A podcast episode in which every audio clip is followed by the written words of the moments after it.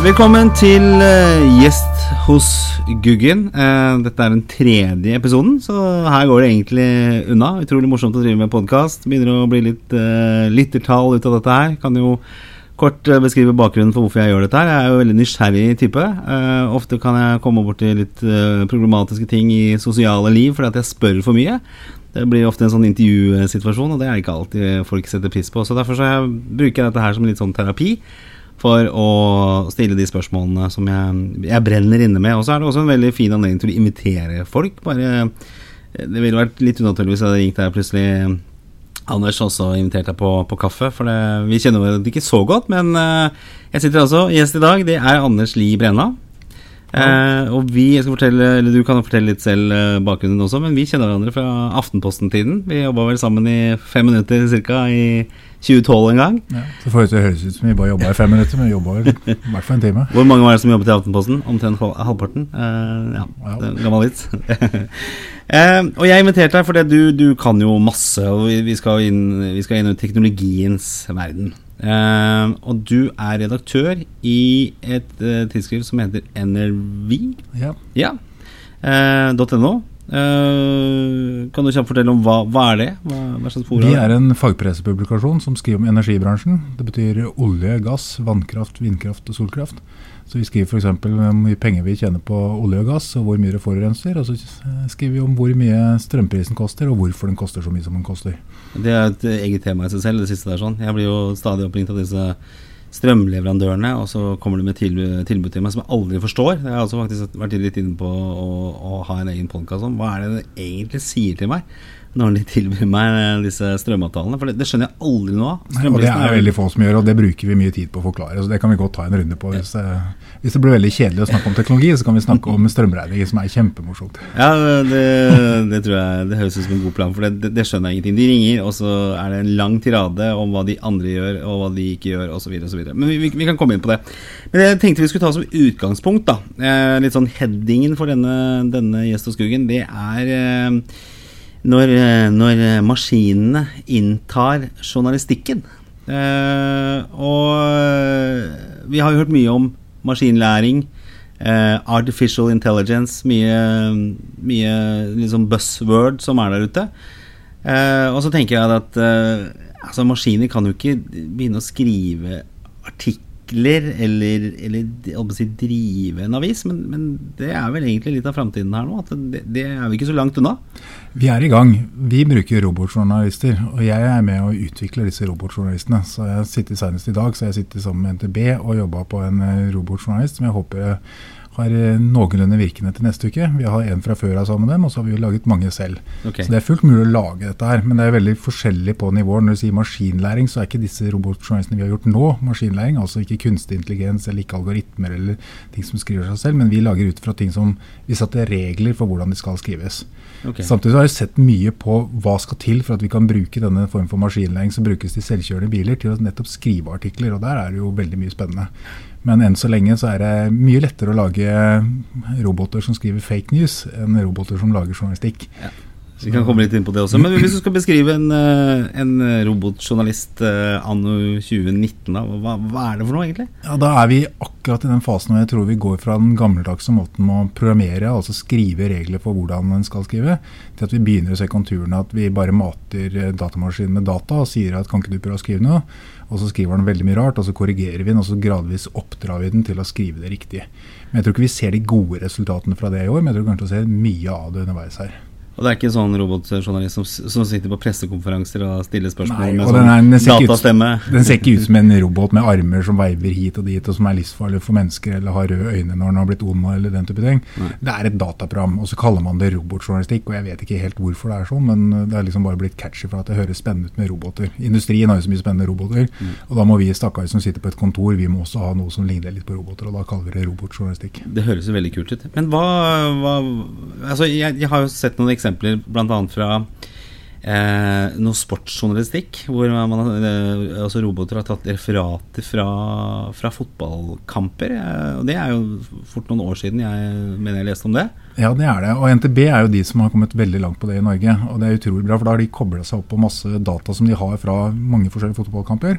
Og så kan de samles inn, og istedenfor at det vises i en tabell eller en graf, eller hva som helst, så bruker man de data til å skrive et referat. Ja. Og det er utrolig bra, fordi da kan man jo for det første skrive mye raskere. Men også dekke mange flere kamper. Så I dag så dekker man de liksom øverste ligaene, men det er ikke noe i veien for at man kunne gått ned på ja, for det første andre idretter, men også lavere divisjoner, og dekke mye mer enn det man dekker i dag. Samtidig så frigjør det jo journalistene til at istedenfor at de sitter og skriver ned at eh, det ble 3-0 i en kamp, eller hva det måtte bli, så er det allerede skrevet. Og så kan de gå og intervjue treneren, spillerne, høre hva som egentlig skjer på de forskjellige uh, delene. Ja. Må å skru av eh, telefonen, for da, hver eneste gang har noen ringt meg under sendinga her. Eh, ja, ok. Så, så, så, det vil si Men er det uh, For jeg vet jo at uh, innenfor for fotball og sport så er det jo utrolig mye statistikker som, som trackes. Jeg vet jo nå innenfor fotball, ishockey, lagidretter og sånn, så, så, ligger det jo veldig mye statistikk eh, som, som, trackes. Er det her noe som også en robotjournalist journalist kobler seg inn på, eller kan, gjør nytte av, eller hvordan fungerer det? Det kommer helt an på hva man har. Altså, jo mer data man har, jo mer avansert kan man gjøre det, og jo mer variert blir språket, jo mer variert blir artiklene. Ja. Eh, men jo mer komplekst blir det, og jo mer spagetti blir det i kildekoden, og jo mer lettere er det at det kan bli noen feil der underveis. Så den er så I utgangspunktet så prøver man å starte enkelt med å ta utgangspunkt i kanskje én eller to datakilder. Eh, se på hva som er informasjon, og sette det sammen og finne noe fornuftig ut av det. Vi har f.eks. en stund drevet med strømpriser. og der samler liksom, ok, Hva er strømprisen? Er den en forskjell i de fem spot-områdene som er i Norge, hvor det er litt forskjellige strømpriser? Eh, hvordan er strømprisen sammenligna med nabolandene våre i Norden? Hvordan er sammenlignet med Europa? Mm. Hvor mye strøm importerer eller eksporterer vi ut utenlandskablene? Og Da begynner du å få en del opplysninger som kan skrive en del tekst. Ja. Men så får du det dilemmaet at med sånn robotjournalistikk så er det veldig lett å skrive veldig mye og si at oi, da har jeg det, og da har jeg det, og så lager jeg en regel for det. Og så ender du opp med istedenfor å skrive en nyhetsartikkel, så skriver du egentlig en bok hver eneste dag eller hver eneste time, eller hva det måtte være. Og da er det jo ingen som gidder å lese det. Og Det er også en setning som jeg pleier alltid å, liksom, å, å si hver gang jeg snakker om robotjournalistikk, er liksom at du må stille spørsmålet hvorfor skal noen gidde å lese noe som ingen har giddet å skrive? Fordi mulighetene er her til å skrive om alle bedrifter, alle fotballag, alle kamper, alle idrettsprestasjoner, alle politiske uttalelser, hva som helst. Men hele poenget med journalistikken er å plukke ut det som er interessant, og få frem det folk bør vite. Og Det må man ha i bakhodet når man driver med journalistikk. Så Målet er ikke å produsere mest mulig, da, da er det kjempeenkelt. Men målet er å klare å plukke det som er interessant, skrive det på en interessant måte og gjøre det tilgjengelig, slik at du får dekka ja, mer av det som trengs å dekkes av journalistikken. Men det, men det, her blir veldig sånn faktabasert uh, journalistikk. ikke sant? En, ja. en uh, såkalt gåsehøne robotjournalist kan f.eks. ikke skrive en kronikk. I hvert fall ikke i, i Ikke ennå, men der er det noen utrolig spennende ting på gang. Ja. Uh, men de som utvikler den teknologien, de tenker ikke helt på det journalistisk. Men det er et prosjekt som jeg har fulgt veldig med på. Og De fleste har vel hørt om IBM Watson og den Jeopardy-kampen som eh, maskinen der vant. Ja, ja. Uh, men uh, i det prosjektet så har de et prosjekt som kalles Project Debater, altså prosjektdebatt. Og så har de en delløsning der som heter Speech by Crowd. Mm. Og Det IBM har laget der, er et system som kan fange opp argumenter i en sak for eller mot et eller annet. De hadde f.eks. en demonstrasjon med for eller mot om vi skulle tillate gambling. Eh, du kan se for deg i Norge at du tar for eller mot uh, ulvediskusjonen eller andre temaer som man diskuterer mye i Norge. Og Da tok denne roboten rett og slett og analyserte alle argumentene. Klassifiserte dem i hva som var for og hva som var mot. Og plukket de beste argumentene, men passet på at det ikke var samme argument hele veien. Og skrev en tale som den da fremførte. Mm. Så man er i stand til å kunne da si at uh, La oss si at du plukker opp debattfeltet på en nettavis. da hvor alle klager over at eh, vi må skyte mest mulig ulv, for den kommer og tar både dyrene og barna våre.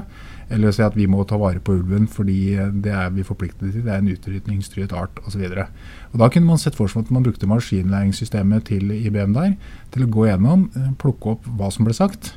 Filtrere bort det uinteressante med folk som egentlig bare roper 'du er dum' med capslock i debattsystemet. Mm. Plukke de beste argumentene, systematisere med hvem som er for og hvem som er mot og skrive en kronikk for eller mot at eh, vi bør eh, ta vare på ulven eller skyte ulven.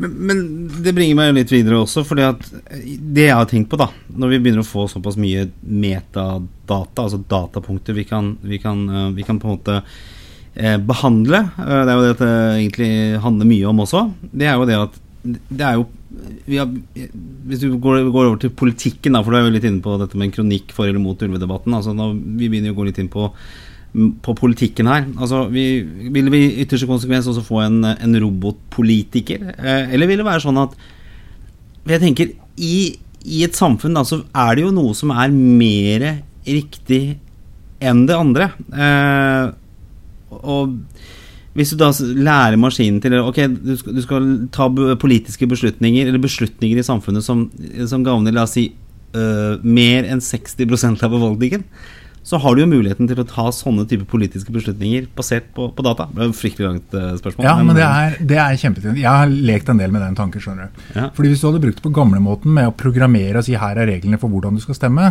så ville en dataprogram vært veldig kjedelig sagt at uh, hvis de skal øke skattene, så si nei. Har en veldig konservativ, høyreorientert eh, Hvis du skal kutte i barnehagetilbudet barnehagetilbud eller eldreomsorg eller utgifter, så skal du si nei. Da har du en veldig venstreorientert type algoritme. og Den ville vært helt håpløs å ha en så rigid tilnærming til det. Det fine med maskinlæring der er at man kan lære opp noen til å ha forskjellige kan du si, grunnholdninger, og så stemt ut ifra det.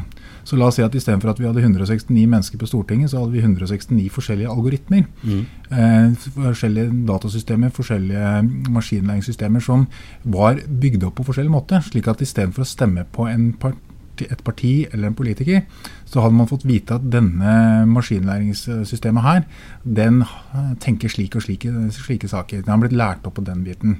Så den vil da stemme likt med noen andre systemer i noen saker, og mot i andre saker. Og dermed vektlagt. Så du hadde kunnet sett for deg en løsning hvor politikerne faktisk ble erstattet av det. Det er fullt mulig, og det skal ikke se bort fra at i en del tilfeller ville det faktisk også kunne fungert bedre. Men så er det jo litt at det som er med politikere som de ofte blir skjelt mest ut for, er når de inngår kompromisser som går på tvers av hva de står for. Og så blir det liksom rakka ned på at liksom det er flip-floppere som gjør helt håpløst. Men hvis du ser når de ikke gjør det, som vi f.eks. har eksempler på i Sverige, hvor de liksom ikke har klart å Eller brukte veldig lang tid på å få satt sammen en ny regjering for de ikke klarte fordi de skulle være så prinsippfaste, så er ikke det bra heller. Nei. Så her kan man se for seg at man lager algoritmer som um, jobber på et vis. At du, du, finner ut ok, den, jeg ønsker en algoritme som vektlegger de barn og unge og friluftsliv og den type ting. Eller jeg ønsker en algoritme som tenker på at vi må ha penger til å finansiere velferdsstaten. Eller vi skal ha en algoritme som alle klarer seg selv. og lavest mulig skatt, eller hva det måtte være. Og det er fullt mulig å gjøre. Men hvis du sier et nullpunkt, da, f.eks. Norge, som er et veldig bra land, eh, og vi, vi, sier at ok, vi, vi vil gjerne opprettholde den, det velferdssystemet, den velferden vi har i Norge, så kan du på en måte stille inn disse politikerne. Da trenger du kanskje ikke 169, men du trenger én. Én eh, som bestemmer at dette skal vi eh, opprettholde i dag. Eh, for jeg tenker at Det med politiske partier blir jo ofte den der emosjonelle delen også. Du har en, eh, den ideologien. Og jeg tenker, Er det mulig å lære en maskin en, en, en ideologi? Ja, det er mulig. Du kan lære opp og si at Men trenger man egentlig å lære dem ideologi? Altså, må, ja, må det er, litt, fordi det er litt hvordan du kommer frem til det. fordi en Maskinlæring er jo avhengig av dataene som puttes inn. og Dette er en av de store utfordringene man har. I USA for eksempel, har man sett mye problemer med regelrett rasistiske maskinlæringssystemer. Mm. Fordi Hvis de mates inn med at eh, f.eks. de svarte i USA at eh, de begår mest kriminalitet fordi de er fengslet mest.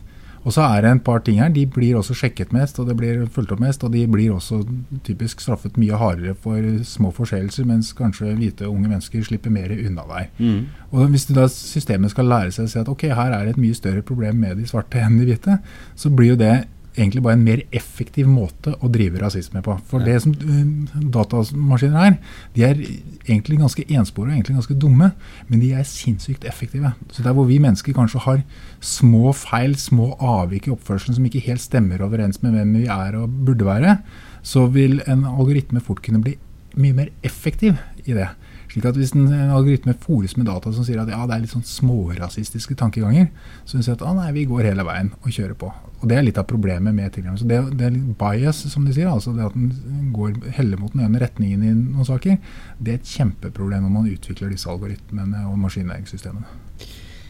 For det er, jo, det er, jo, dataen du putter inn. Det er jo, det er jo hele grunnlaget. Og da er det også en, den som bestemmer hva slags type data du skal uh, putte inn, som, som, egentlig avgjør hvordan denne maskinen vil eh, fungere. Er- er- Og det er et av de store faremomentene med, med algoritmer og, og, og databasert Kall det journalistikk eller, eh, Ja. eller politikk, da. Ja, og Hvis du tar en databasert journalistikk, så er det kjempevanskelig. Fordi det datamaskinene egner seg ekstremt godt til, er kjedelige, repeterende oppgaver. Å gjøre den samme jobben om igjen og om igjen og om igjen. Og om igjen. Og det har de gjort i alle år vi har hatt datamaskiner. Så er det som er maskinlæring, er at de er i stand til å takle litt mer variasjon enn at de er nødt til å følge regelverket. Eh, og det har gjort dem et, et, et sprang videre. Men det, det er eh, eh, det er problemet der at de er repeterende, mens journalistikken er unntaket. Mm. Det er ikke interessant å lese den samme nyheten hver eneste dag. Da er det ikke nyhet. Hele poenget med nyhet er at det er oppsiktsvekkende, det er unikt, det er noe nytt. Og da blir det mye vanskeligere for dataprogrammer å identifisere det som er nytt. Så slik som jeg ser det, så er egentlig den mest interessante bruken av robotjournalister det er på rutinearbeidet. Ja. For dessverre er det slik at som journalist så er det ufattelig mye kjedelig arbeid, som i alle andre yrker. Det er ufattelig mange ting som bare må rapporteres. Det er noen notiser, det er ting som bare skjer sånn.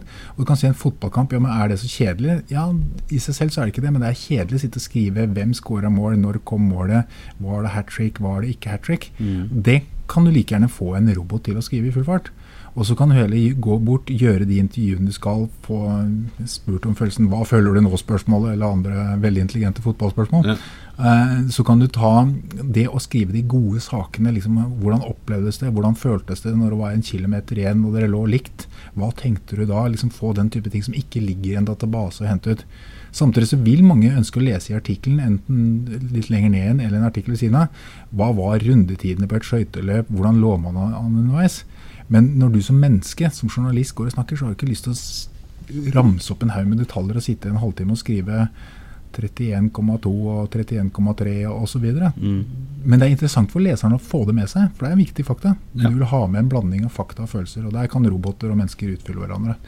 Det blir typisk sånn live, uh, VG live, når du skal sitte og følge med. Når du ikke har muligheten til å se kampen sjøl, så kan du sitte og følge med på VG live. Er det, det, er en- det er en typisk jobb for en robotjournalist, da. For å, en Ja, det kunne, fordi Da kunne de samle inn og, Ja. og fange opp hva som skjer. At nå er det den andre kampen, så er det andre laget de scora nå, så nå må dere score. Hvis ikke så ryker de ut av uh, cupen, eller hva det måtte være. Sånn. Så man kan krysskoble den informasjonen. Da blir det interessant. Ja. Hvor, hvor er vi i dag, da? Gjøres det i det Ja, det er, du får jo henta inn en del og sånt. Mm. Så det er mye der som fungerer og sånt. Men det er ofte litt tidkrevende, fordi det tar lengre tid å skrive et dataprogram som kan gjøre dette her, enn å skrive artikkelen. Ja. Så du, du er nesten nødt til å skrive det på ting som er repeterende. Når vi f.eks. jobber nå, så er det ting som er veldig ofte. F.eks. SSB-tall. Mange av de blir lagt frem en gang i måneden. Altså Går bensinprisen opp eller går ned, selges det mindre eller selges det mer bensin og diesel, den type ting. Eh, hvordan har det vært med elektrisitetsprisen, hvordan er det med eksporten til Norge, hvordan er det med statsbudsjettet. Ting som er oppdateres hyppig. Mm. Som er sånn, Du må nesten fortelle om det, men det er jo ikke kjempespennende fra gang til gang. Eh, artikler om satte sentralbanken opp renta, eller gjorde dere ikke det? Men hvordan gjøres dette i praksis? Jeg er, jo, jeg er jo sportsidiot, så for meg så blir jo det veldig sånn relevant. Da. Men en, eh, en eh, oppdatering fra en, fra en fotballkamp, er det mulig å gjøre det live? Det, er det et kamera som står og Nei, de, de har et system som noen da jeg, jeg kjenner ikke til selve systemet, det har jeg bare fått det forklart. Ja. Som puncher inn fortløpende. ikke sant? Så markeres det at liksom, ok, her er det en, blitt en scoring, så legges det inn i et system, og så kan det hentes ut. Eh, så Der hvor det er tilgang på dette live, men noen må jo ha registrert det på et vis, og det, det er ikke automatikk i det. Eh, mens andre steder så skal f.eks.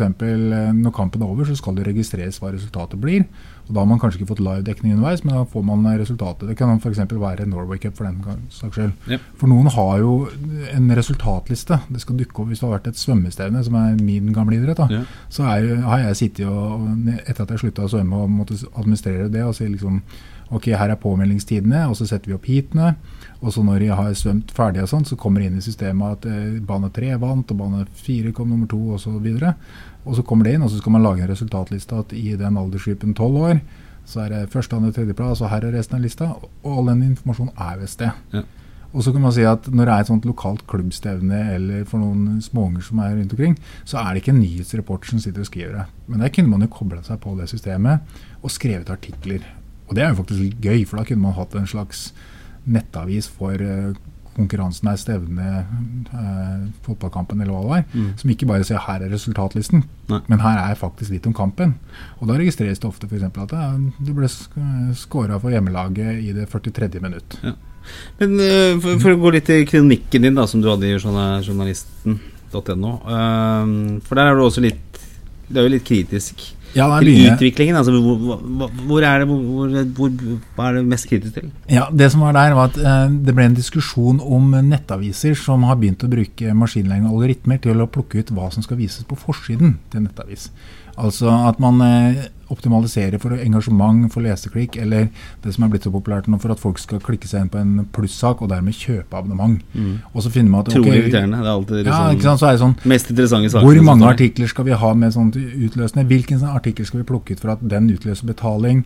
Eh, man kan gå lenger og si hvilken tittel fungerer best. Man kan gjøre en såkalt AB-testing, uten at jeg tror de gjør så mye av det i norske nettaviser. Si at med denne tittelen og prøver her, og så prøver vi en annen tittel, og så ser vi hvilken av de to titlene som går best, at flest klikker på saken. Og sånn sett optimaliserer det. Uh, og jeg er veldig skeptisk til det, for jeg kaller det en robotredaktør. Altså en som bestemmer hva man eh, skal uh, få lese om, og hvordan uh, sakene skal skrives. Det er veldig skeptisk til at vi overlater til datamaskiner å bestemme det. Men det er det, er det rett og slett fordi at den baserer seg på hva folk klikker på? At det, det, Ja, du kan gjøre det. Ja, for folk veit ikke sitt eget beste. Jeg, jeg, bruker, jeg vokste jo opp på, på, på 80-tallet, ikke sant. Og da hadde jo bare NRK TV. Og da satt vi og så på TV, og det, det, var jo, det var jo nyheter på samisk, det var, det var fjernsynsteatret, det var Norge Rundt. Altså Du fikk jo alt i løpet av en kveld, så du fikk jo et veldig sånn allsidig Enten du ville eller ikke. Ja. Mens nå er det på en måte mye mer Nå kan du velge akkurat hva du vil og plukke inn. Jeg husker også at jeg satt lørdag morgen som liten unge og sto opp, og så var det vel ikke noe særlig på NRK, men på Sverige kanal- God morgen, Sverige. God morgen, Sverige. Ja. Så hadde de en ti minutter lang eh, tegnefilm Stemmer, i løpet av en tre-fire timer lang sending. Og visste aldri når den var, så jeg satt og venta på den. Ja. Og det var liksom høydepunktet på lørdag formiddag. Meg. Eh, Nå kan du gå inn på alle disse kanalene, og du kan gå inn på YouTube, og du kan gå inn på NRK Super, som gjør en superjobb. Ja. Så det, det er sånn sett mye bedre. Men når det gjelder nyheter, så er det litt annerledes. Mm. Og argumentet mitt der er at nyheter er liksom litt Det forteller oss litt om samfunnet vi lever i. Og en av de tingene som jeg er opptatt av, er at hvis noen har gjort noe galt, f.eks. en politiker har gjort noe alvorlig galt, eller en næringslivstopp eller en eller annen har gjort noe alvorlig galt, så mener jeg at det er noe vi bør vite om, og da bør egentlig alle vite om det. Så jeg syns det er litt viktig at da er det oppslaget om at den og den personen har gjort dette, og det er alvorlig galt. Og da vet alle. Ja. Så, Men så er det mange som ikke interesserer seg for politikk. Nei. Og det er mange gode grunner til det. Jeg skjønner at man kan bli lei. Men det er noe med at hvis alle da sier at nei, jeg interesserer meg ikke, så vil det ikke få noen konsekvenser hvis en eller annen minister eller stortingspolitiker gjør noe alvorlig galt, og folk er ikke så interessert, og så vises den ikke engang på forsiden, eller vises i hvert fall langt ned, så det fremstår som en mye mindre viktig sak, selv om vedkommende kanskje har drevet med skattesnusk eller andre alvorlige ting. Så Derfor er det litt viktig at pressen har en slags kanal å si at dette her mener vi er viktig, vi slår det opp stort, og det er ikke bare denne nettavisen, det er flere nettaviser som gjør det. Men, men, men hvordan er det i dag, da? For det, jeg husker vi, vi satt her for eh, Jeg satt på noen gutteklubb for noen uker tilbake, så satt jeg og en kompis og prata om dette her med hva er det vi egentlig får servert av nyheter. Og så gikk vi på, på forsiden av VG, og de eh, 10-20-30 første sakene vi så, var veldig mye sånn jalla-saker. Og så kom det noe om uh, opprustning og atomfaren og sånn, men det, det kom langt under alt mulig annet.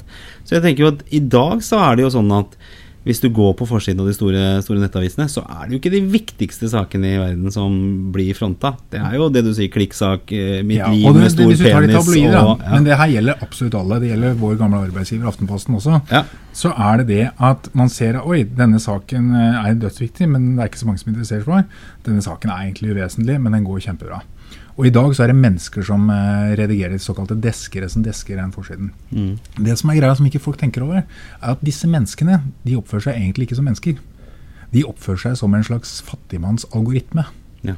De gjør manuelt eh, holdt på å si slavearbeid, det er ikke det der, men de gjør manuelt arbeid ut ifra at de er så flinke på sosiale medier. ser ofte i stillingsvalg liksom at det er god peiling på sosiale medier, masse er erfaring fra det. Så de er kjempeflinke på at hvordan skal vi få denne saken til å engasjere? Jo, vi skriver om Kardashian sin rumpe eller hva det måtte være, og så velger vi et utsnitt som gjør at du ser det spennende delen av rumpa, men du ser ikke hele rumpa, liksom, og sånt, og så skriver en en tittel på det. Og Vi hadde jo en epoke her for en periode liksom Du vil ikke tro hva hun har gjort nå, eller et eller annet sånt. Så Ja. skulle klikke. Og det er rett og slett mennesker som har tenkt litt som en algoritme og sett ok, hva kan jeg gjøre for å optimalisere? Prøvd seg frem og funnet etter hvert de råere og råere vinklingene på hvordan de skal skrive tittelen og ingressen og bruke bildet for å selge inn at folk skal klikke på det.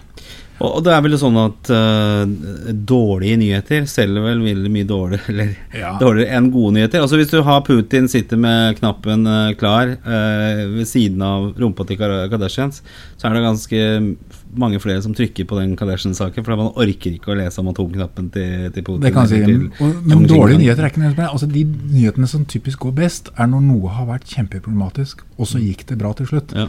Det er akkurat som i Hollywood, men det er sånn også i nettaviser. En ordentlig gladsak. liksom At her Å, fytti rakkeren, dette var spennende, og det var på nippet og helt. Du vil ikke Men tro hva som bra. skjedde nå. Du, så, eh, så en godnyhet er faktisk kjempebra. Mm. Men det kan ikke være en godnyhet å liksom si at uh, han ble født med sølvskje i munnen, livet var supert og perfekt og alt var fantastisk, og han har det fortsatt fantastisk. Det er jo ikke noe spennende. Det er som å se Rocky-filmen, at han banker livskiten ut av alle sammen, og så er det slutt, og han driver restaurant og koser seg for en sønn, og så drar opp der.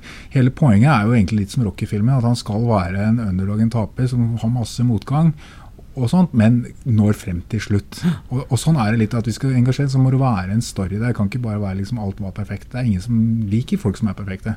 Men hvordan har vi havnet uh, der? Hvis du skal, La oss si du hadde gått gjennom uh, Aftenposten da, anno 1980 kontra forsiden på Aftenposten 2019. Altså, hva, hva er de største forskjellene på jeg, saker der? Eh, Jeg vil bare si at jeg mener at vi i fjor, 2018, og i år, 2019, så er jeg ganske sikker på at det blir det samme, har mye bedre journalistikk enn den gangen. Du? Jeg mener at 2018 var et kjempegodt år for journalistikk, Ja. og vi har mye bedre journalistikk. Men vi har mye mer journalistikk. Ja. Så vi har så innmari mye som skal fylles. For det er noen forskjell på å fylle én avis om dagen, eller på 80-tallet to aviser om dagen. Jeg har jo gått med både Morgenruta og Aftenruta. Ja, samme her. eh, og sånn, så jeg vet jo det. Men det er noe helt annet å skulle fylle nyheter hele tida. Du må ha innhold. Og du har ikke penger fordi det var flere journalister før. Eh, Så du må produsere mer per journalist, og du må bruke kortere tid. Og det er jo noen utfordringer. Men når du ser på kvalitetsmessig, så er jeg helt overbevist om at journalistikken er mye bedre nå enn det var den gangen. Og Det er bl.a. fordi man har teknologier som gjør at man kan finne informasjon. Hvis du tar f.eks. Watergate-skandalen. Eh, Sett filmen uh, 'Alle presidentens menn', er ikke det den heter? Jo, jo. Uh, og, og sånt, så er jo Mye av det arbeidet de gjør, er jo manuelt å drive og slå opp i telefonkataloger og finne telefonnummer og hvem skal vi snakke med osv. Mye av det kunne jo vært gjort på noen minutter i dag. liksom. Så, så, så, så det er liksom Hvem som helst kunne nesten ha breaka ja, den du, du kan sjekke det og sånt, og det er noe helt annet når vi liksom kan få livebilder fra den ene hendelsen etter den andre, hvis det er et vulkanutbrudd eller et jordskjelv, eller at det er en krigssituasjon og sånt. Og så har vi problemet de stedene hvor det ikke kommer inn journalister, så informasjon ikke kommer ut. Sånn som Nord-Korea og, og, og sånne type ting. Men journalistikken er bedre. Så jeg, så jeg jeg er en optimist, selv om jeg advarer mot noen ting Ja. i dette her. da. Men jeg tenker, jeg håper å si, algoritmenes eh, mester er jo, er jo Facebook. eh, og det har jo vært flere saker rundt eh, det nå. Eh, og det blir jo mer og mer en slags eh, nyhetsleverandør for, eh, for folk. og kanskje spesielt Ja, Ja, Facebook liksom gamle, gamlis sosiale medier, men allikevel ja. så, så, så blir jo sakene plukket basert på hva du liker, i, i mye større grad. Det, og det er vel litt av det du advarer mot også, at man ikke skal på en måte etterligne de i den norske journalistikken. Ja, for altså, Sosiale medier er sosiale medier. De fungerer kjempegodt, men de spiller jo egentlig på sånne psykologiske faktorer å få deg til liksom trigges til å gå en runde til, ta en sjekk til. Eh, ta, du plukker opp mobilen for du skal bare sjekke et eller annet, og så blir du sittende Oi, da gikk det ti minutter, jeg sitter og scrolla på Facebook. liksom. Så de appellerer til psyken for å få deg til å være mest mulig engasjert mest mulig av tida, så kan de vise deg annonser på det, og de kan få mer informasjon om deg. Og så har dessverre mediene vært nødt til å spille litt av det spillet, for vi får mye av trafikken vår fra sosiale medier. Og i og med at sosiale medier som Facebook og Twitter og de andre har lykkes så mye å ta så mye av tiden til eh, leserne våre, holdt jeg på å si, men leserne som vi ønsker unna, så må vi spille litt av det spillet og være der, og vi må være engasjerende. Så Facebook har endret journalistikken? Ja, endret journalistikken. Og, sånn, og den positive tingen er at via Facebook og Twitter kan vi få tilgang på informasjon, tilgang til flere kilder som gjør at vi ikke bare intervjuer de samme folkene om igjen, så det, det er jo fint. Men når det gjelder det å fòre inn informasjon, så er det et kjempeproblem. Vi skriver f.eks. som jeg sa om energibransjen og vindkraft f.eks., så er det et kjempeproblem. Jeg bruker alltid det som eksempel, for Der er det jo en stor diskusjon om vi skal bygge ut masse vindturbiner som gir oss 100 eh, fornybar kraft, og som kan bli en eh, næring som vi faktisk kan tjene kjempegode penger på. Og så har vi de som er veldig negative fordi de syns det er stygge å se på og den ødelegger naturen og sånt. Og Eksempelet som jeg bruker i både kronikken min og som jeg bruker bestandig, er at hvis vi skriver en artikkel som er ensidig, som bare egentlig påpeker at eh, vindturbiner er kjempedumt. Det ødelegger naturen og gir ikke nok energi sammenligna med skadene det forårsaker. Så vil den bli delt massivt. Den vil få masse likes, og folk vil klikke der i ett sett og si at oi, se her hva som står her. Mm. Og så kan vi dagen etterpå skrive en artikkel om at liksom, her er hvorfor vindturbinene er den mest fantastiske løsningen og vil redde planeten vår takket være fornybar, og vi vil bli rike på det, og alt er supert.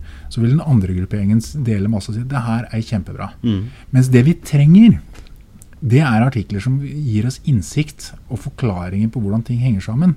Men Ikke nødvendigvis for at du skal endre syn, men at du skal forstå motpartens syn. At du skal forstå at motparten er uenig med deg, men du kan skjønne litt av logikken. Hvordan har motparten kommet til det synet han har? Slik at du kan si ok, greit, da henger jeg med. Og da kan vi kanskje begynne å få litt kompromisser igjen. Og men, Det er litt av dilemmaet vi ikke har med blant politikere i dag. Liksom det er Enten så er det for meg, eller så er det mot deg. Så vi er egentlig alle sammen i politikken og på sosiale medier har egentlig blitt George W. Bush. Enten er du for meg, eller så er du mot meg. Ja. Men det er jo litt sånn der at uh, man har blitt, uh, blitt sitt eget ekkokammer. Altså når, du, når du setter opp dine sosiale medier, så, så er det basert på på, på, viktige ting for deg. Altså hvis, uh, hvis du skulle sett på min Facebook-side, så hadde jo det viktigste side vært det er ACDC og Liverpool og de interessene der. Men da på en måte bruker jeg jo det til det også, da, ikke sant. Uh, men hvor, i dag uh, hvor, hvor opptatt vil folk være av disse nyansene? Eller hvor, hvor, opptatt er de av nyansene? Altså, ser, ikke i det hele tatt. Nei. Jeg kan ta et eksempel fra i går. Jeg får jo masse kjeft hver eneste dag. For vi prøver å altså Vårt slagord er liksom vi skal holde energidebatten saklig, faktabasert og levende. Mm. Så liksom Saklig og faktabasert betyr jo en del tørt, og så skal vi prøve å gjøre det sånn at folk er interessert i å lese. Og Da kan jeg ta et tema som vi skriver mye om, utenlandskabler. Kablene som vi kan eksportere strøm ut av landet og importere strøm inn av landet. Så fikk jeg sånn spørsmål i går. da, liksom, Hvem er det som tjener penger på utenlandskablene? Og Så prøvde jeg å forklare liksom, og si at ja, det er Statnett som eier disse kablene, og de tjener penger på å liksom, kjøpe strøm på ene sida og selge den på den andre sida. Det var liksom en forklaring som jeg skrev. liksom, så tenkte jeg, ok, Her kan man få argumenter bare for og mot sitt syn. Og Da fant jeg ut at det er en egen emoji for å gi fingeren til noen. Og så ble jeg kalt en løgner og fikk en remse av en annen verden. For jeg hadde faktisk tatt meg tid til å svare av noe som jeg har brukt tid på å sette meg inn i og lære meg. liksom. Og at jeg var en for, ja, forbanna alene. Og så var masse som jeg ikke tror jeg skal gjenta her. Det var sånn, og det er sånn, Du har fått en kultur. Og dette her var en voksen mann med barn, gift. og Det var liksom ikke noe å si på. Det var sannsynligvis et, ellers en oppegående person. Men jeg liksom bare, han likte ikke svaret han fikk. Nei. Og liksom, jeg tenkte ok, jeg skal svare. Så, ja, men jeg er selv en person som er frustrert over høye strømregninger. Jeg syns ikke det er noe gøy å betale masse for strømmen. Men jeg syns det er litt rart å liksom komme en sånn utskjeng til noen som faktisk svarer deg litt og prøver å forklare hvordan det henger sammen. Ikke bare bli kalt en løgn. Men du har en sånn interesse si at det driter egentlig svaret hvis det ikke er det jeg forventer. Og det, det, er kjempefarlig, for det gjør jo at vi blir jo så aggressive. Jeg, jeg kaller det et opprør mot kunnskap. Mm. Og vi ser det så mange steder. Altså, det er mange gode argumenter for å være mot eh, EU-medlemskap, f.eks., sånn som vi så her i brexit-greiene. Ja. Men jeg syns det er fortsatt rart at man eh, liksom hiver på båten all folkeskikk når man argumenterer for det og sier at det er greit uansett. Uh, så du kan si at de, de, gode argumenter mot og gode argumenter for, det har jeg sans for. Men det er mange argumenter der som har liksom vært helt håpløst. Vi ser det samme i vaksiner. Ja. Liksom der kampanjer mot kunnskap om vaksiner og hva det måtte være. Og vi ser det på så mange felt at liksom man, man, nekter å ta til seg at det faktisk finnes argumenter for at motparten har faktisk noe fornuftig syn. Og men, det er skremmende. Jeg tenker, no, jo, Det er jo mer informasjon tilgjengelig, så det er lettere for å finne ut uh, om ting. Men på den annen side så er det så mye informasjon at du blir jo veldig forvirra. Uh, det er én ting. Og det andre ting er jo det at nå begynner jo hvermannsen å være en slags uh, skribent og redaktør. Og jeg ser jo daglig at folk ukritisk deler ting som åpenbart ikke kan stemme i det hele tatt. Det skjønner jeg ikke noe særlig av. Og så er det jo det at vi snakker om dette med redaktører og roboter og alt dette her sånn, men igjen, da, vanlige folk er jo ansvarlige redaktører. Eh, kanskje for en 600-700-800-900 følgere på, eller venner på, på, Facebook. Jeg vil bruke det som utgangspunkt. Jeg vet at det er litt sånn eh, Ja, ikke for de unge, unge lytterne, hvis vi har noen av dem. Men i utgangspunktet, da. Eh, og så er det dette med kommentarfeltene, som på en måte åpner opp for den type folk som du snakker om sant? Som bare kan velte ut av seg usakligheter. Og det, det skal ikke være veldig mange saker før ting utvikler seg til å bli personangrep. Det kan begynne med den hyggeligste sak av verden. Altså to-tre kommentarer lenger ned, så er det 'jævla tulling' og 'faen, skjønner du ingenting'? Altså og jeg vet jo at det er flere aviser som har liksom stengt sine kommentarfelt, og det er sikkert med fordel også, men hvis du skal ta akkurat tak i folk og deres digitale oppførsel på nett for det, Jeg har vært borti noen eksempler hvor noen har skrevet noe, og det plutselig har kommet tilbake for at man trodde man var usynlig på nett. Eh, smeller skikkelig. Eh, burde man som privatperson eh, i større grad eh, si, At du har én login med ditt personnummer som gjør at da kan du på en måte ta del i debatten. Gjør du ikke det, så har du ikke muligheten. Nei, Det hjelper ikke. fordi det, det, går mye Men hvis vi går tilbake til altså, algoritmer og maskinlæring er på en måte både det som skaper dette problemet, og det som i mine øyne løser det.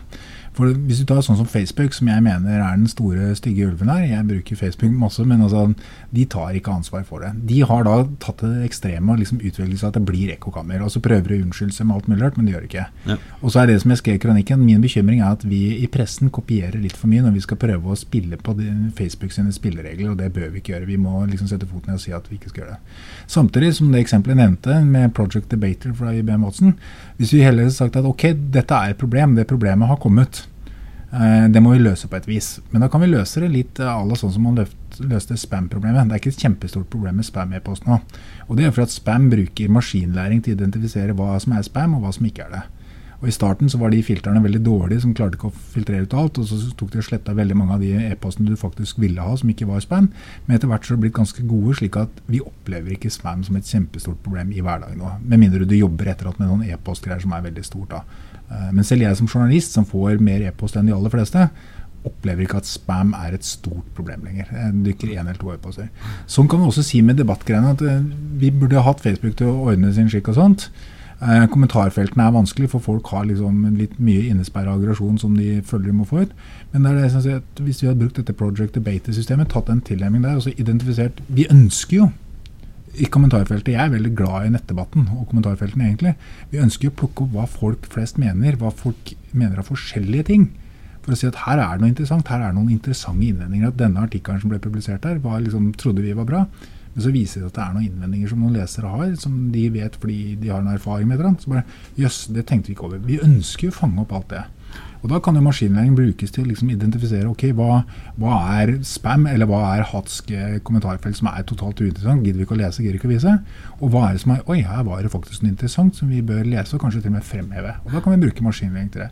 Så vi er på en måte i et mellomstadie nå, på samme måte som vi var med spam, at spam var i ferd med å fullstendig ødelegge e-post, at det var helt ubrukelig som verktøy, til at e-post virker igjen.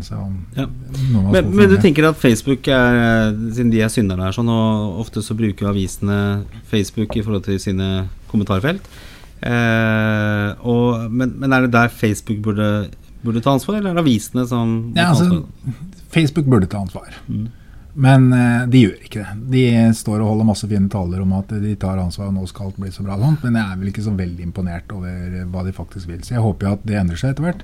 For de, men, sier, syvende, de sier det selv at det er en teknologi ja, og ikke en til syvende og sist, så Det som må til for at Facebook skal virkelig ta grep, er at det må lønne seg å virkelig ta grep. Sånn som det er nå, så har det lønt seg å ta litt grep, men det har ikke økonomisk lønt seg å ta kjempegrep. For tar de kjempegrep, så mister de alt fra trafikk til folk gidder å bruke plattformen til annonseløsninger og en del ting. Men hvis det blir slik at folk sier at nå, nå gir jeg opp Facebook, fordi folk reagerer mot dette her, så vil det lønne seg for dem å fikse det. Det er liksom den beste. Men per i dag så er dessverre at folk er på det umodenhetsstadiet at uh, de ville helst bare ha nyheter som de er enig i selv. De vil helst ha liksom å si at uh, denne politikeren jeg er for, den skal fremstilles som en helt, og den jeg er mot, skal fremstilles som en skurk. Så det er en umodenhet uh, i befolkninga. Når Facebook da, og sosiale medier er på det umodenhetsstadiet, så kan ikke pressen, som står og sier, som jeg er en del av, som står og sier i festtalene hvor viktig vi gjør for å holde debatten saklig, faktabasert og levende, og hvordan vi skal avsløre det ene og andre, da kan ikke vi spille etter Facebooks regler, fordi det gir oss mest trafikk. Da må vi si at ja, vi kommer til å gå glipp av en del trafikk. Vi kommer til å gå glipp av en del lesere, men vi skal fortsatt gjøre det vi holder på med nå. Og Enten så går det, eller så går det ikke. Men hvis vi er nødt til å liksom hive oss på båten og kjøre de algoritmene, så går vi en vei vi ikke har lyst til å gå. Men jeg, jeg er jo helt enig, for det, det, handler jo om den journalistiske integriteten, som det heter også. Men hvor realistisk er det egentlig at, at, at man klarer det? Altså Jeg vet jo at eh, jeg jobber jo i, i, i medieteknologibransjen, i annonseteknologibransjen. Eh, og det er jo en, det er mye, mye snakk eh, mellom de ulike aktørene, altså på mediesiden, i forhold til det å kunne stå imot uh, Google og Facebook, som begynner å bli eller begynner å bli, har vært lenge, vanvittig store i forhold til uh, annonser. Så det vil si at på Facebook side så tjener de utrolig mye penger. Og så er jo spørsmålet da i forhold til uh, de andre medaktørene om de skal være med på det og tjene litt penger, eller om de skal prøve å stå sammen og, og, og risikere å ikke tjene penger i det hele tatt. Så det, det, det koker ned til kroner ja, men, ører. Men, men det, er, altså, det, er, jo mange år siden nå at hva heter Yahoo, var ikke det? Ja. som brukte en halv milliard dollar og de brukte de smarteste folka de fikk tak i, og alt sammen, og de hadde nettverk og alt sammen for å lage et annet system som skulle konkurrere med Google AdWords. Og det floppa totalt. Uh, og det er liksom spørsmålet ok, hva skal til for å konkurrere i en uh, maskinlæringsverden? Jo, det er liksom du må ha teknologien. Og vi har mange norske teknologer som går i disse amerikanske Silicon Valley-folka en høy gang, så det er ikke der det til, men vi har ikke mange nok av dem. Og så har vi ikke datagrunnlaget. Og da er det sånn spørsmål hvordan skal vi tro at norske mediebedrifter skal konkurrere med Google og Facebook på Google og Facebook sin hjemmebane. For det er omtrent som jeg pleier å si at det er omtrent som å sende det norske fotballandslaget over til USA for å spille amerikansk fotball. Med amerikanske regler, amerikansk dommer og amerikansk publikum. Jeg tror ikke det kommer til å gå spesielt bra. Eh, du har ikke kjangs når du spiller på bortebane hele tida. Og så kan du si at hvor, ja, men Burde vi ikke gjøre noe for ellers så faller Ja, det er mulig at vi må gjøre noe sånt. Men når innsatsen f.eks. i maskinlæring i norsk mediebransje er på egentlig to ting. Det er på å utvikle annonsesystemer som ligner litt på Google og Facebook sitt. Og det er på å utvikle hvordan du skal liksom styre hvilke artikler som vises på forsida. Så kommer de til å være ræva sammenligna med det de amerikanere gjør. Fordi vi har ikke noe konkurransefortrinn, vi har derimot en konkurranseulempe. Og da må man rett og slett, eh, som jeg alltid liker, det er derfor jeg alltid likt markedsføringsfaget, for markedsføringsfaget er egentlig for juks og fanteri. Mm. Det er å si at Hvis du ikke liker realitetene, så endrer du dem. Ja. Du, du, omdefinerer markedet. Sier at ok, i dette markedet her, så er vi det mest bedritne produktet andre.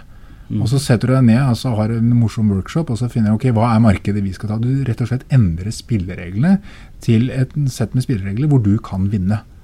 Og, da, og, det er det jeg mener man må gjøre. Man må kunne gå inn og se ok, vi kan ikke vinne på de spillereglene. Hvorfor skal vi da legge alle våre millioner inn der? Hvorfor kan vi ikke heller satse der hvor vi kan vinne, og gå på det?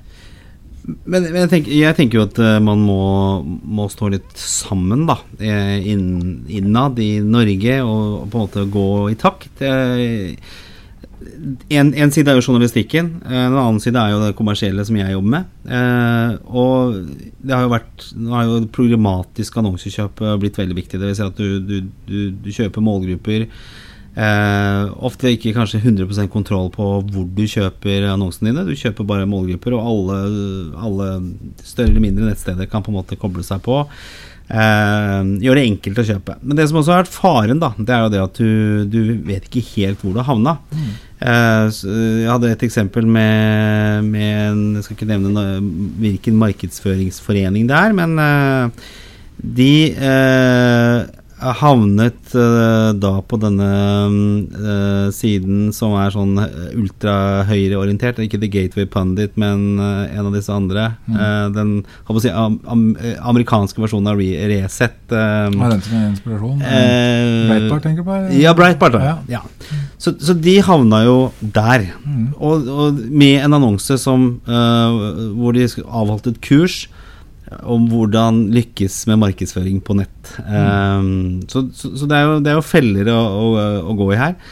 Uh, og det mister på en måte kontrollen. Mm. Uh, jeg tenker jo det som er viktig for norske medier, da, det er jo den, den lokale tilhørigheten du har. Altså, Husker du når vi jobba i Aftenposten, så, så sa vi at uh, Aftenposten var for at folk skulle sjekke det de så på VG, om det faktisk var sant. Mm. Eh, så det er den etterretteligheten. Yeah. Eh, og spørsmålet er det mulig å snu den. Altså Jeg har en 17-åring hjemme. Lite preferanser på Aftenposten. Eh, kanskje litt på VG via Snapchat. Eh, men ellers lite preferanser på de, de sterke norske mediebrandsene, da. Eh, ser lite på TV. Man prøver jo dette. Jeg, jeg vet ikke om det kan Men da må du identifisere liksom, ja, er det et kjempeproblem for den, den produktet at de blir annonsert på Breitbart. I noen tilfeller så er det åpenbart det, i andre så er det kanskje ikke det.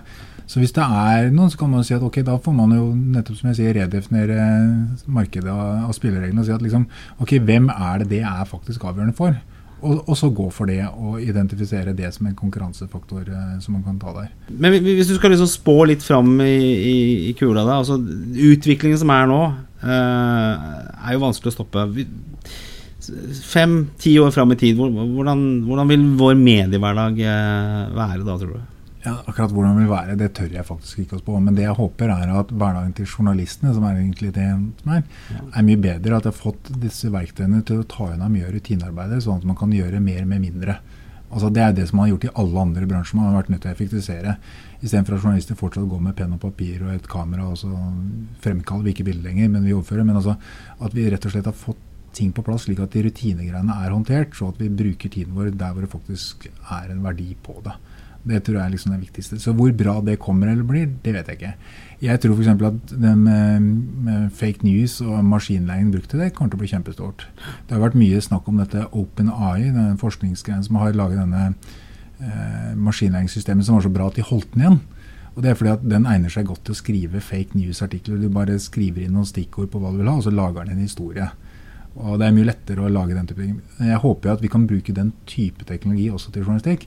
Men det er mye lettere akkurat som det er mye lettere å dikte opp en historie enn å gjøre journalistikk. Det er mye lettere å dikte opp at jeg intervjuet Erna Solberg, og hun sa følgende, bla, bla, bla, bla, bla og så etterpå skjedde ditt og datt og tjo og hei, enn å faktisk gå og prøve å få tak i Erna Solberg, intervjue henne, sjekke ut det hun sier, sjekke med statsbudsjettet er det korrekt, høre med finansministeren om det stemmer osv. Det er en mye større jobb. Så maskinlæring er teknologisk nå i stand til å kunne skrive en sånn fake news-artikkel som kan gå. Og så håper jeg at vi kan få dem til å være med og bidra til å også gjøre journalistikk. Og jeg tror vi ser mye spennende på det innen fem år, men akkurat hvor langt vi har kommet, det, det tør jeg ikke å påstå.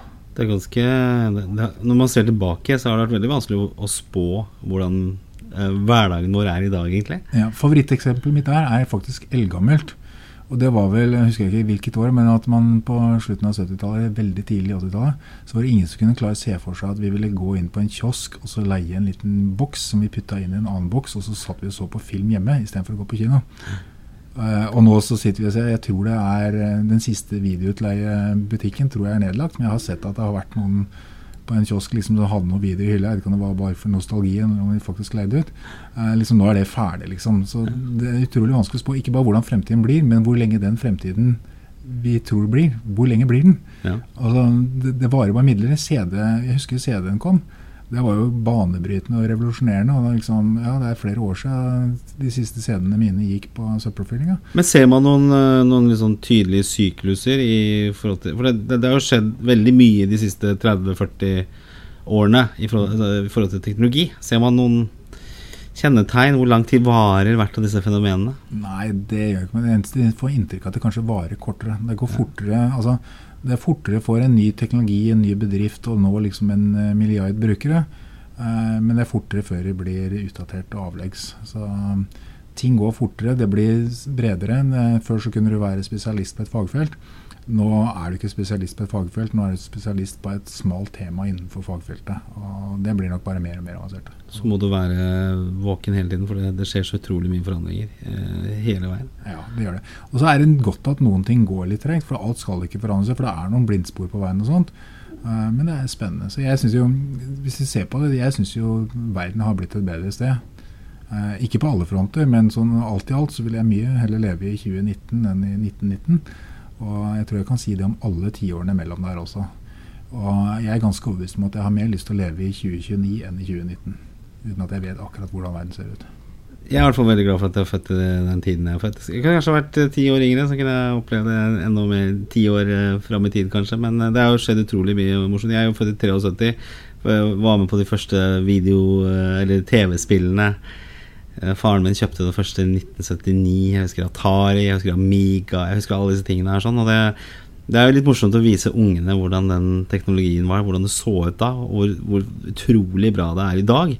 Og det er jo egentlig bare å spenne seg fast og se hvor, eh, hvor dette her bærer inn i framtiden. Jeg tror det er over ti år siden jeg spurte en av ungene Eller jeg spurte ikke, jeg sa da jeg var ung, så hadde vi ikke internett. Det er over ti år siden.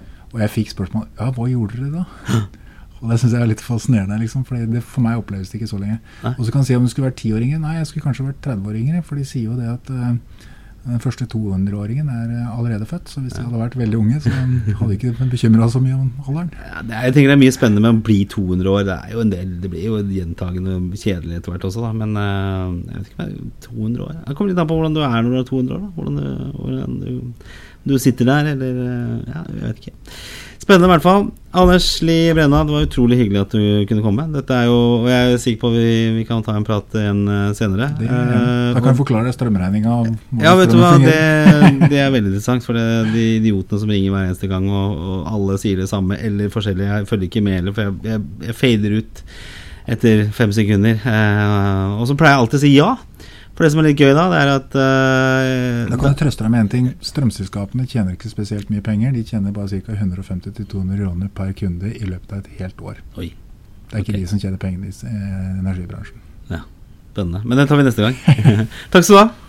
Takk for at du fikk komme.